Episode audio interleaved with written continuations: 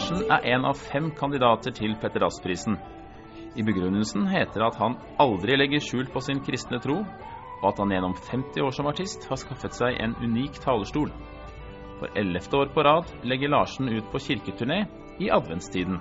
Jeg har helt siden jeg kom med i denne julekonserten som jeg er med på nå, da, har jeg forsøkt å si at, eh, at eh, det, det, det handler om, det er det at Gud solidariserer seg med sin skapning, går inn i vår verden.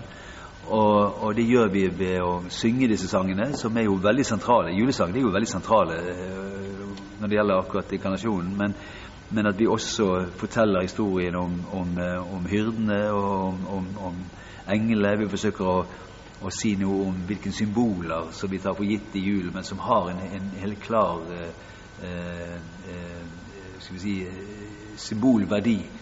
Eh, så, men vi må balansere her, fordi at dette er konsert, ikke gudstjeneste. Så jeg forsøker å holde meg innenfor det som jeg mener er, er, er det riktige når man ber folk betale for å komme inn på konsert. Så, så eh, så er ikke det samme som å gå i kirke der, der, det er gratis, og du kan komme inn og høre evangeliet.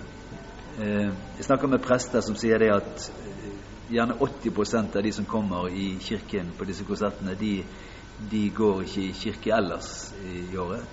Men da tror jeg at det ligger en savn.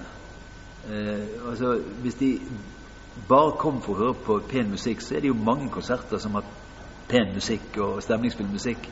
Når de kommer på julekonsertene, så tror jeg det, det ligger en skjult tro det ligger en lengt etter noe som, som jeg tror julen eh, har den eh, laveste terskel. Og, og, så jeg føler at vi er nærmest på et misjonsoppdrag med, med disse konsertene våre.